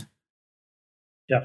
Og så sier, han, og så sier han jo også at han må snakke med broren før han dør. Det som er veldig viktig her Om han sier det når han sitter i den der traktoren sin, eller om han sier det oppe på haugen der, det husker jeg ikke. Ja, Men, men på, når de sitter oppe på haugen der og snakker sammen, eller hun jenta sitter der og han står der og ser på, eh, så tenker jeg at det er en scene som aldri kunne skjedd i starten av filmen. nei. Fordi Oscar er ikke typen som åpner seg på denne måten og snakker om konflikten med broren sin. Det er jo liksom tydelig en utvikling som har skjedd mellom de i løpet av disse dagene, at karakterene utvikler seg litt. Ja, og jeg føler liksom at hun kanskje har vunnet hans respekt på et vis. Det kan hende at begge fikk litt dårlig samvittighet. Det kan godt være. Og det er jo litt grann i den samtalen nå som viser at det er en avstand mellom disse her to. Ikke sant? Fordi han Oskar står bak henne ganske langt unna mens hun sitter der, og de ser Mm. ikke på hverandre når de snakker sammen osv. i starten. Og så tar hun han med på traktoren sin. Ja, men han sier ja, hei, nå skal du høre, jeg har en overraskelse som jeg skal vise deg. Og jeg skjønner ikke hva den overraskelsen er.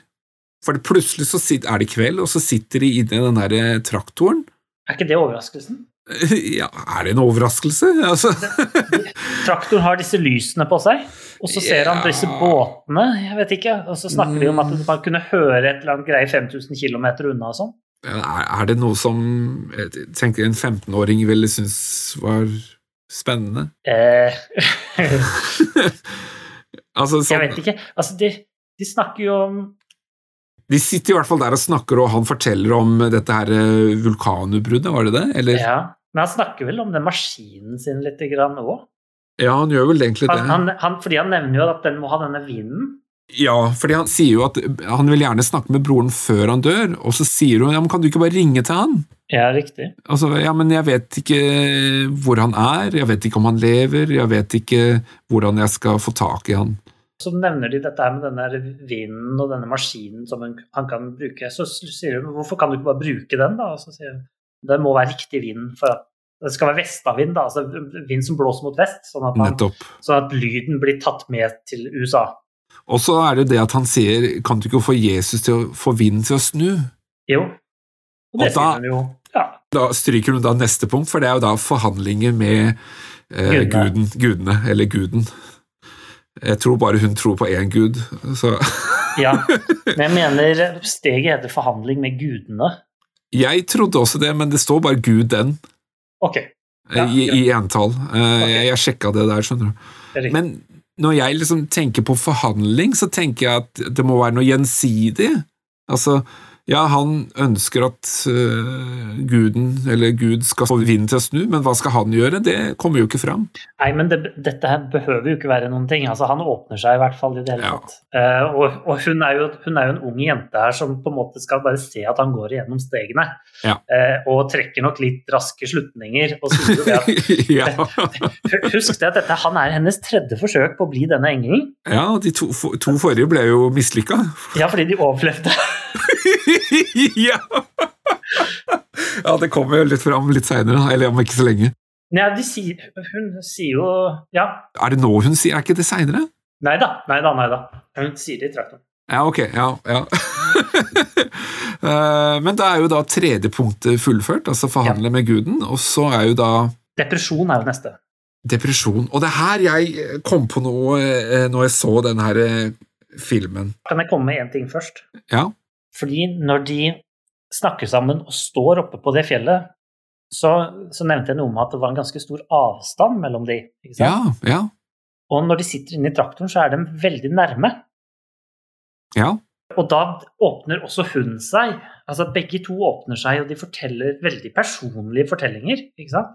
Ja, ja. At hennes, hennes dødsengeloppdrag hadde rett og slett vært mislykka to ganger. ja. Eh, Og, og han snakker om det han ikke gjør, ikke sant? og spør om Gud og greier. Ja. Eh, Så nå er de kommet mye nærmere hverandre. ja, ja. Så nå, de, nå stoler de på hverandre. Altså? Så de har gått fra å være avstand til å bli nære. Og de sitter jo også ganske tett i den der eh, traktoren. Ja, ikke bare, men det er jo bare for å vise veldig tydelig at det er det som har skjedd. At de Ja. har gått fra å være la, la, stor avstand til å bli nære hverandre gjennom den samtalen de har hatt i, forhandling om, eh, i denne forhandlingsscenen. Da. Mm. Ja. Og så er det jo depresjonstingen der som kommer da etterpå. Ja, og, og før vi kommer til selve depresjonen, holdt på å si Jeg satt jo her og tenkte på dette her eh, på det tidspunktet her at hun altså, Jeg spekulerer litt her, da, men hun går jo gjennom de samme stegene. Ja, hva mener du med det, Lars? I starten så er hun jo sånn der eh, perleglad og kjempepositiv og sånn. Altså, hun fornekter jo kanskje et eller annet igjennom den uh, misjonen hun har, da, at hun skal guide han videre. Altså, det kan hende at hun fornekter et eller annet. Og nå er hun jo deprimert. Hun var deprimert uh, fordi hun ville ikke være dødsengelen. Mm. Og til slutt, i- nå hopper jeg litt fram, da, på slutten av filmen så aksepterer hun jo også situasjonen som den er. Ja. Det eneste ikke jeg har klart å finne, det er jo at hun er ikke noe sint noe sted i filmen, og hun forhandler jo heller ikke. Altså, hun er jo hun, altså, hmm. hun sier jo at hun skal forhandle med gudene inni der, da. Eller med guden inni der. Gjør Hun hun det? hun skal jo snakke med, med Jesus. Han stiller jo spørsmål kan ikke du bare snakke med Jesus. Ja, det, ja, men det er hun det, ja da, det kan jeg gjøre. Det er han Ja, jo, ja, for så vidt. Hun gjør det på vegne av han. Ja, ikke sant? Men, men det betyr jo at Altså, vi ser det ikke, men hun har jo åpenbart gjort det. Altså, hun har jo en slags forhandling fordi hun Hun har jo lyst til å være der, Ja. og, så, Men- og så skyter hun jo den derre måken. Jeg ser jo for meg at altså, når de har sittet i den traktoren, og han har sagt til henne Kan ikke du snakke med Jesus Mm. om det? Så har hun tatt og gjort akkurat det. Altså, hun har uh, hatt en bønn eller noe sånt, hvor hun har Det, det kan Som vi hende ikke får vite. Ja, men nå tenker jeg forhandling i forhold til hennes situasjon. Det, det, dette er jo om han.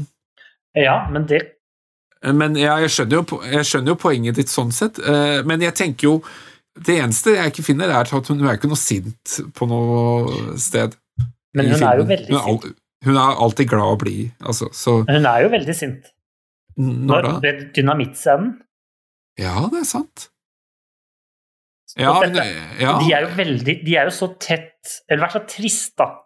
ja så, så, så Jeg vil si at de er så tett knyttet sammen, disse her to, i denne Mm. fortellingen, at det er umulig å si at det ene tilhører henne, mens det andre tilhører han.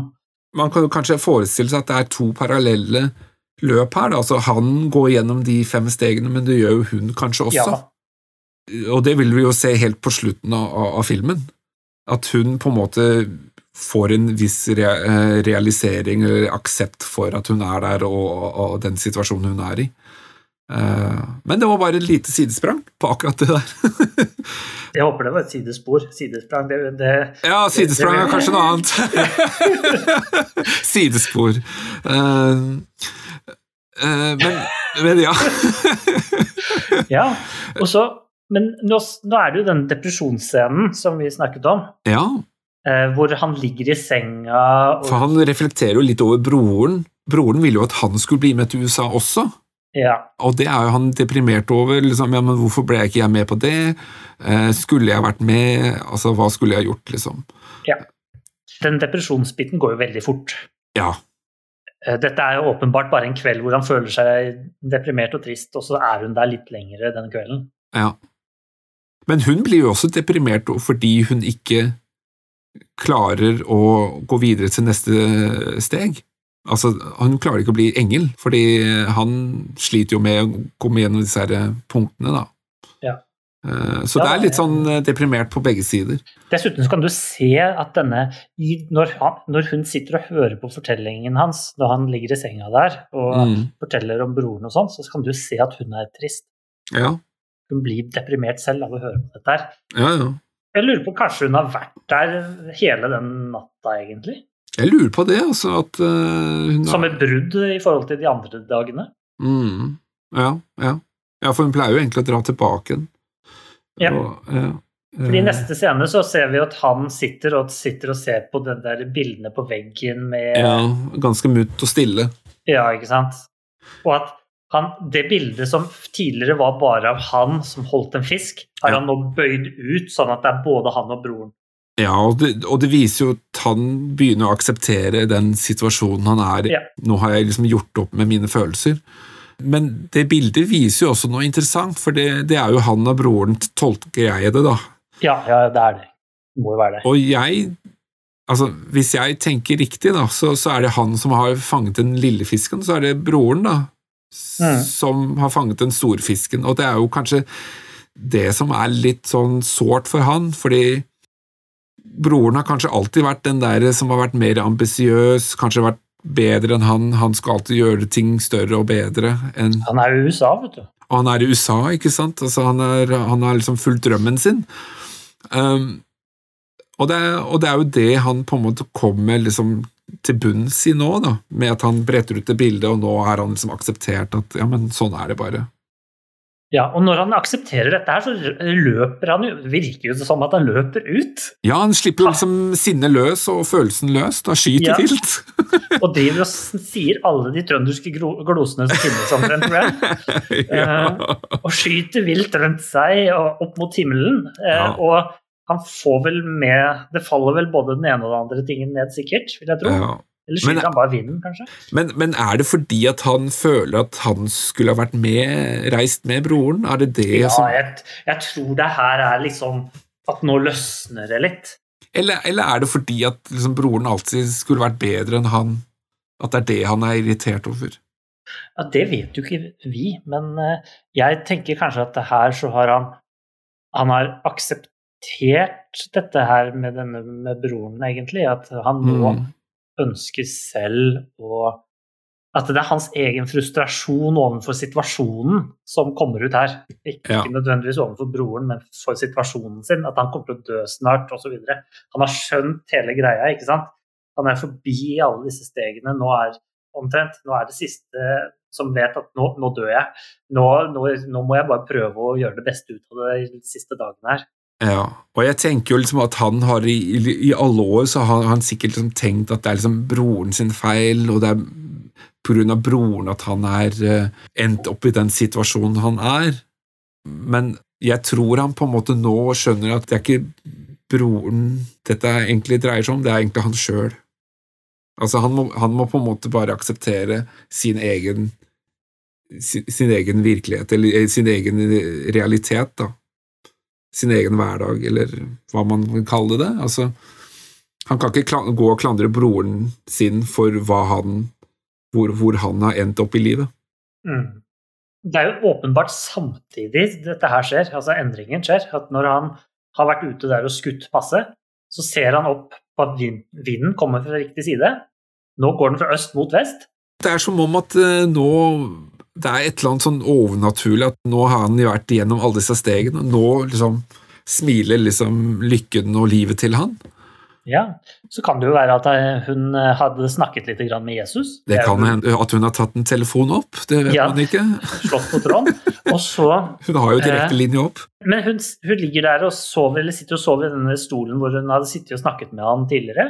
Ja, Og han kommer røpende inn og rister igjen og sier noe om Det er første gang vi forresten hører navnet hennes. Ja, Som da var Ingrid. stemmer. Ja. Eh, Ja, Og, og de flyr jo ned til den der tubaen. og da løper de ut til tubaen, ja.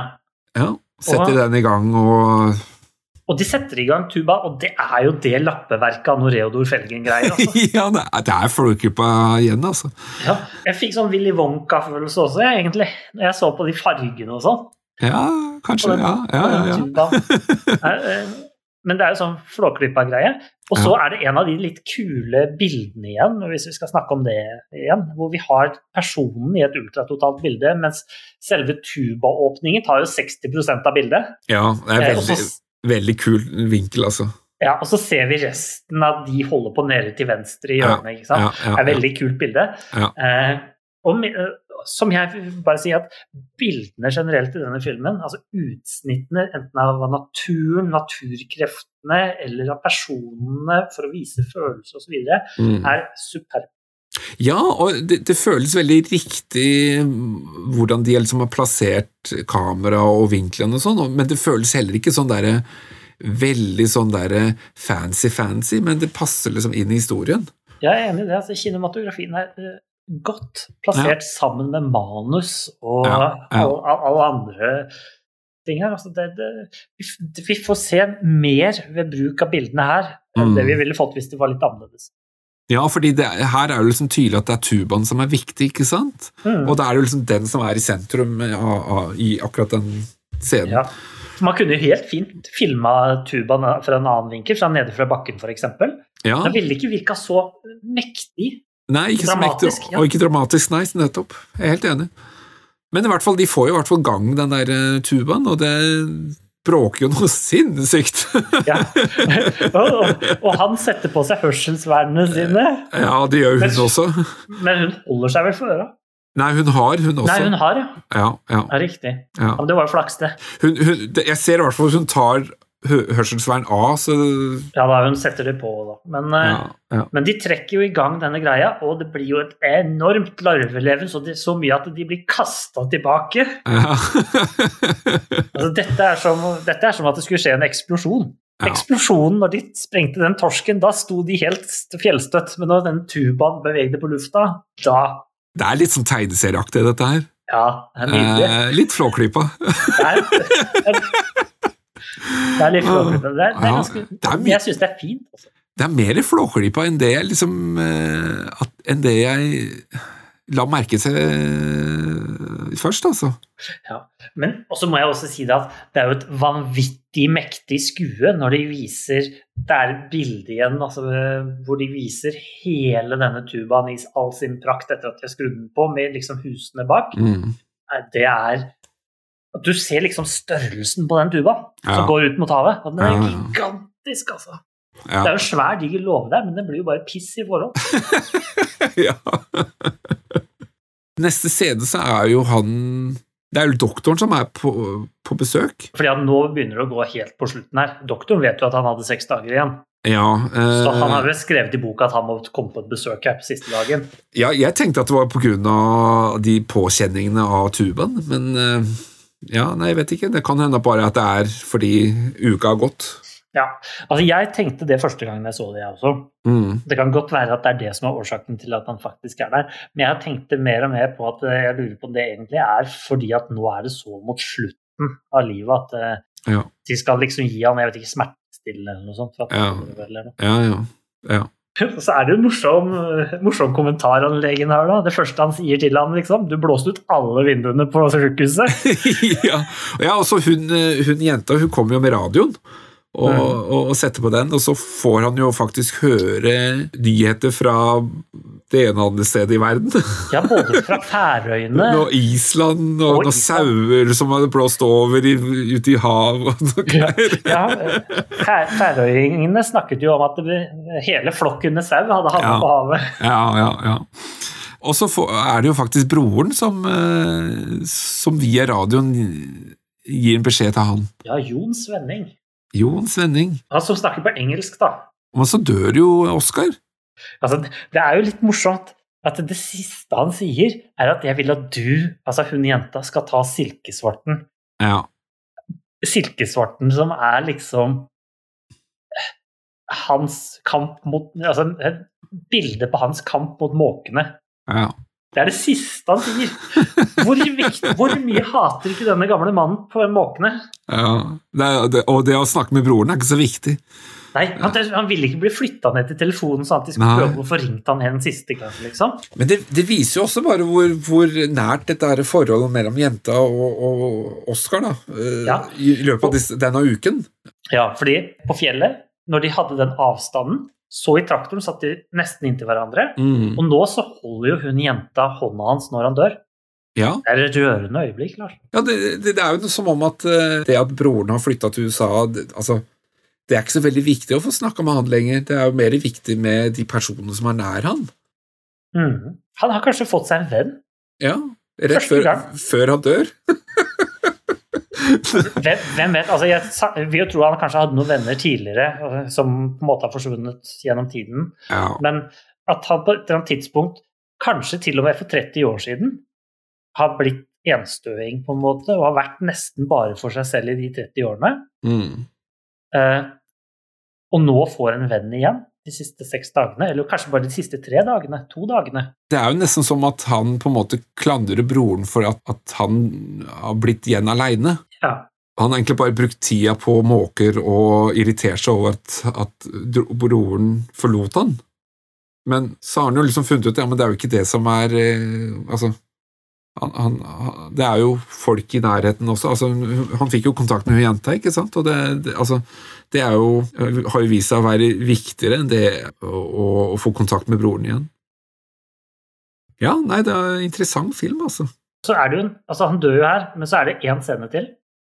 Det er jo hun jenta som står ved motorsykkelen sin eh, Ja. nede ved sjøen og silkesvarten i hånda, eller på, på berget, og med boka i hånda. Ja, Og hun lukker på en måte den boka. Nå er liksom eh, det kapitlet lukka. ja, Og så ser vi at hun stirrer ut i havet og på en måte tenker, ikke sant? Og så tar hun, og så skyter hun opp eh, på måkene opp i himmelen. Jo, men det er, må, det er måke Etter at som måke bæsjer på boka. Ja, nettopp. Ja. Så hun har jo, igjen som vi snakka litt tidligere, at hun har liksom akseptert den situasjonen hun er i. Ja, men her så tenkte jeg på en ting. Fordi jeg vet ikke om du har eh, Tidligere så nevnte jeg at denne, jeg får litt sånn Salmer fra kjøkkenet-fil i denne filmen. Mm, ja. Uh, og i Salmer fra kjøkkenet-filmen så er det, er det jo sånn at denne gamle mannen som blir observert av en svensk observatør, han dør mot slutten av filmen. Ja. Og så tar denne observatøren og flytter inn der den gamle mannen bodde, og blir den gamle mannen. Observatøren tar den dødes rolle. Og jeg føler litt her at hun tar denne gamle mannens rolle. Hun blir den gamle mannen? Ja, hun blir den gamle mannen. Hun har ikke blitt det enda, selvfølgelig. Hun har jo masse igjen av livet. Hun, men litt sånn i ånden. Altså, hun, At hun, nå begynner hun å bli irritert på disse måkene, eller hun føler at det er på en måte blitt hennes uh, kamp, ja. kamp, eh, rolle eller kamp i, i livet, ja. ja. Ja, i hvert fall i denne fasen av livet som hun er i nå. liksom, At det er blitt hennes viktigste ting. Hun har jo nå endelig blitt engel, sant? Ja, det har hun. Får jo håpe at hun ikke blir like bitter og Nei, grump, grump, grumpy som han, da, men det, det er riktig. Men det er noe i det ansiktsuttrykket hennes som sier meg at vet du hva, jeg det, At hun blir denne mannen over tid. det er i hvert fall et eller annet med det der hun og måkene, at det er noe parallell til, til Oscar. Ja, ja, jeg tenker òg at det er noe altså, på det, det er noe med det ansiktsuttrykket som ser så lengtende ut, og, Mm. og så at det ser så ekte ut. Ja, ja. At hun virker som at hun, dette her er hennes fremtid. Mm. ja men Så jeg følte det var en litt artig parallell, da, siden at det ligna litt på salmer fra kjøkkenet mange andre steder. Så tenkte jeg at det Ja, ja. kanskje at selve slutten var litt lik også. Eh, Men dette er jo da slutten av filmen. Det er slutten, ja. Helt riktig, og da er vi jo ferdig. Er bare en liten ting først. Vi, vi, vi har jo flere ganger nevnt Flåklypa, Mm. og det var bare sånn én ting jeg kom på eh, mens vi snakka om filmen. her, Det er jo den derre broa som eh, han kjørte over med traktoren helt i starten. Ja, Hengebru. Ja, ja, er det hengebro? Nei. Nei, det er jo ikke Det er motsatt hengebro. det er jo Men det også ga meg assosiasjoner til Flåklypa, for der er det jo også en, en sånn bro som de Han derre Benredik Fifasan kjører over. Ja, det er vel en hengebro. Jeg tror det er både hengebro ja. Ja, det er, det, er, det er også en sånn, eh, en Mm. sånn buebro, eller hva man kaller det. Ja, riktig. Det er to Eh, bruer. Så, Fra så, den ene toppen over på den andre, så er det en vanlig. helt riktig. Så, så akkurat det tenkte jeg også, det, det er også litt sånn uh, Flåklypa når jeg så det i filmen her. Men ja, filmen er jo ferdig, og eh, ja, hva skal man si om den? Eh, vi har jo egentlig sagt det meste. Ja, jeg føler jo at vi egentlig har sagt eh, det som kan sies. Ja, Eh, Men, men det er jo selvfølgelig bare våre tanker. Det kan være at de som sitter og hører på, har noen andre tanker. ja. For hvis de har det, så må du selvfølgelig bare sende inn og si nei, det sånn kan du ikke mene. absolutt. Vi er, glad, vi er glad i både Vi er mer glad i ros enn ris, kanskje, men vi, vi, vi godtar begge deler. Vi tar alt mulig, vi.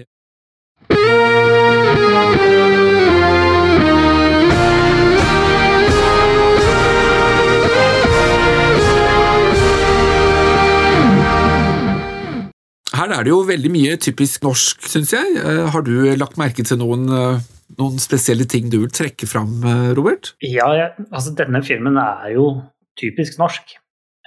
Og det jeg vil trekke fram, er hovedpersonen Oskar i starten. Ja, Han er en klassisk norsk Einstøing. Enstøing eh, og bygdeperson som eh, har vært alene lenge, som det blir flere og flere av rundt omkring i Norges land. Jeg har inntrykk av at det blir færre og færre av dem. Jo, men, ja, men altså, før så var det større samfunn. ja. Nå blir det lengre og lengre til hver nabo, og dermed så blir det færre, altså det blir færre og færre totalt, men de blir mer og mer uh, alene, de Ja. som er der. Og det er det jeg mener med at det blir flere av dem. Ja. Det er den der eh, litt sånn Reo de Felgen-typen, originalen på en måte, som kjører rundt i traktor. Det, det er veldig norskt, føler jeg. Jeg tenkte på noe annet, og jeg tenkte på måkene. Hvorfor er måker norske, Lars? Det er dette, det der med at vi, vi nordmenn blir så irritert på dem. Ja, vi er sånn Odd Børresen. Det er en Odd Børresen i alle oss, føler jeg. Og, det, og vi har den der scenen hvor han sitter, altså Oscar, da, med den der eh, hjemmemekka eh, fellen med, med vaskemaskinen som detter opp på måken. Og så sier han liksom 'skal ha, skal ha', skal ha, liksom etteraper måkene, da. Jeg tenkte litt det var liksom norsk, da. Eh, det der forholdet mellom vi nordmenn og måkene. Ja, vi, bor, vi, har jo så mye kyststripe, og det er jo så mange måker i Norge, så det er jo ikke så rart. Ja. Det er sikkert folk i andre deler i verden som også ikke liker måker, og som har det på samme måte. Det, det tror jeg på. Men jeg tror at Harald Witzøe gjør et poeng med å dra inn måker i denne filmen, fordi det er på en måte en del av eh, Norges kystkultur. Jeg er helt enig. Men sånn helhetlig, sånn filmen, da, har du noen tanker som du ikke har fått fram mens vi har snakket om den? Jeg tenker at dette her er en film som er uh, verdt for alle oss, egentlig. Jeg føler at den er litt sånn laget etter en oppskrift. Ja. Uh, at den er, litt, den er veldig perfekt, på en måte. Ja. Den er bygd opp veldig strukturelt enkelt. Uh, og, den er veldig iscenesatt. Ja, ikke sant. Eh, men selvfølgelig, det må du nesten gjøre når du skal lage en kortfilm. I større grad enn hvis du lager en lengre film. Du har så dårlig tid på deg. Ja, du må liksom komme til poenget veldig kjapt. Ja, og det synes jeg også de gjør veldig godt. Ja. Altså, dette er en vakker film. Ja, og karakterene er jo veldig sånn karikerte, da. Ja, og, og husk, dette her, de er jo ikke profesjonelle, virker det som. Nei, men jeg syns han Oscar, eller han uh, Edvard eh, He Hegstad, er det han heter? Ja. Hegstad? Ja, han, altså, han, spiller jo så naturlig og bra. Han, altså, som du nevnte tidligere, han, det virker som han spiller seg sjøl. Mm. Og altså Han får liksom frem den der irritasjonen og aggresjonen og det at han er deprimert. Altså, alle de der følelsene får han fram veldig bra. Også det der forholdet mellom han Oskar og jenta, hvordan det utvikler seg gjennom denne lille fortellingen, hvor hun også på et tidspunkt blir veldig usikker og deprimert. Har jeg liksom valgt riktig yrke i livet? Altså, hvis man kan si det på den måten. Og han Altså, de utfyller jo hverandre. Altså, han hjelper jo henne på et tidspunkt, og hun hjelper jo han med disse fem stadiene. Så jeg syns det er en veldig fin historie, og jeg tenker at dette her er liksom som passer liksom til de der filmelskere som liker disse litt små, snodige historiene, da. Som er litt nysgjerrig på å oppdage nye måter å fortelle historier på. Du vet det, Lars, at jeg, jeg elsker kortfilmer. Mm. Kortfilmer føler jeg egentlig er enda bedre enn vanlige filmer på mange måter. For du får Det er der liksom innovasjonen i filmmediet foregår. Mm. Eh, hvor du virkelig kan trikse Produksjonskostnaden er ikke så høy, så du kan ta større sjanser i fortellingen. Og Ja. da hender det at du, du treffer mye bedre enn når du bare liksom har en sånn standardsak. Eh, og selv om jeg synes at liksom progresjonen i filmen er ganske sånn standardisert, sånn at den er veldig god å bruke til å lære folk å uh, lære, Jeg bruker den til å lære mine elever hvordan å lage film, f.eks. Ja, ja, ja. Uh, så, så er ikke det Så betyr ikke det at du må liksom lage det på denne måten. Men disse filmene, kortfilmene, de forteller ting på en mye mer direkte, rask måte. Man får ting fram så fort. Og så er det så enkelt. Ja, det er kanskje noen spesialeffekter på et tidspunkt, men det er ikke noe sånn veldig sånn fancy lokasjoner eller fancy spesialeffekter Nei. eller noe sånt. Det, det, det er Dra ned til kysten, finn en bygdeoriginal, sett på kamera. Ja! Ikke sant? Eh, altså det, det er liksom så enkelt, og det er liksom skuespiller det er fokusert på, det er den historien eh, det er Så- fokusert på. Ik ikke liksom at det skal se fint ut. Ja, nå er jo lokasjonen veldig fin fra før av, men ofte så, så, så henger man seg kanskje litt opp i at det, det skal liksom være spesialeffekter her og der, og det skal være, filmen skal være så lange og sånn. Man kan fint fortelle en eh, god historie på 25 minutter. Dette her er jo film fra filmskolen, som var eksamensfilm. Mm. Hvilken karakter tror du de fikk? Tenk om de ikke fikk toppkarakter, og så ble de nominert til Oscar. Ja, det, da, da vil jo lærerne føle seg veldig dumme. Det er, det er et godt spørsmål. Eh, Men jeg, jeg er overbevist om at den her fikk gode tilbakemeldinger, ellers ville den kanskje ikke blitt anbefalt å bli sendt inn som et bidrag. Jeg synes dette er en strålende film. Jeg, jeg vil egentlig anbefale flere enn bare filmelskere å se denne filmen. Ja, Men også ja. det at den er kort, gjør at veldig mange Ja. egentlig vil klare å sitte og se 20 minutter. Det er jo kortere enn en episode. Ja, Eller samme lengde. og det er morsomme replikker, og det er spot on skuespill. Og dessuten litt yngre folk vil sikkert like det også med hun jenta som er der. Mm. ikke sant? Det er litt på samme alder som dem, kanskje. og sånn, så det, Ja. Jeg synes det her er en artig sak. Passe mange. Fin historie. Ja. Anbefales. Anbefales tommel opp. Yes. Eh, Men Lars, du tisa jo neste film. Ja, Hva er det som blir neste film? Nå er jeg kjempespent. ja jeg eh, tisa jo filmen i, tidligere i episoden. Da nevnte jeg at det var Nils Gaup som har regissert filmen. Eh, Dette her er en eventyrfilm, en ungdomsfilm, kanskje barnefilm også, fra 1990. Så vi skal liksom tilbake til det glade 90-tallet, og da heter jo da filmen Håkon Håkonsen, som er en eh, spennende, god, underholdende film, vil jeg si. Håkon Håkonsson, Ja, det, er, det er jo en film som jeg eh, muligens har sett en gang for lenge, lenge, lenge siden. ja, det er i hvert fall 30 år siden jeg har sett den. Nesten like lenge siden jeg har sett den, sikkert. Ja, Men det jeg mener å huske, fordi at jeg husker tittelen, var at det var en bok. Ja det er nok den basert på en bok, ja. Jeg lurer på om det er en haugammel bok, altså hundrevis av år gammel bok. Er det sånn at den er basert på sånn Robinson Crusoe eller noe? Jeg lurer på om den, eh, at, at det er en norsk bok som har inspirert den, ja, det kan godt hende. Ja, riktig. nettopp. Ja, det tror jeg, jeg lurer faktisk på om du er rett i. Fordi det er jo en sånn type film. Det blir i hvert fall spennende å se til neste gang. Ja, og Gleder meg eh, masse. Ja, det gjør jeg også. Hvor mange måker har du skutt ned i det siste? Si det på vår Facebook-side, eller hva syns du om filmen vi akkurat har snakka om? Det kan du også kommentere på hvis du går inn på Facebook og da skriver 'norsk film er', da vil du da finne vår side. Du kan kommentere, komme med forslag til temaer eller filmer som du vil at vi skal snakke om. Eller du kan bare også like oss og dele med andre for at vi skal vokse og bli større og få andre nye lyttere. Og neste episode den kommer ut siste søndag hver måned. Det er da vi har hovedepisodene. Og så kommer det gjerne andre, litt mindre episoder underveis i løpet av måneden. Og hvis ikke det er det, så er det jo flere gamle episoder som vi allerede har laget. Dette er jo episode nummer 11, så da har du ti andre episoder du kan høre på i mellomtiden. Hvis ikke du har hørt dem ennå.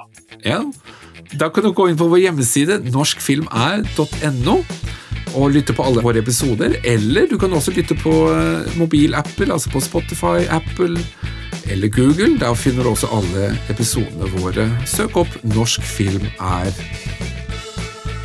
Da er det jo egentlig bare å si uh, ha det Ha det bra. bra.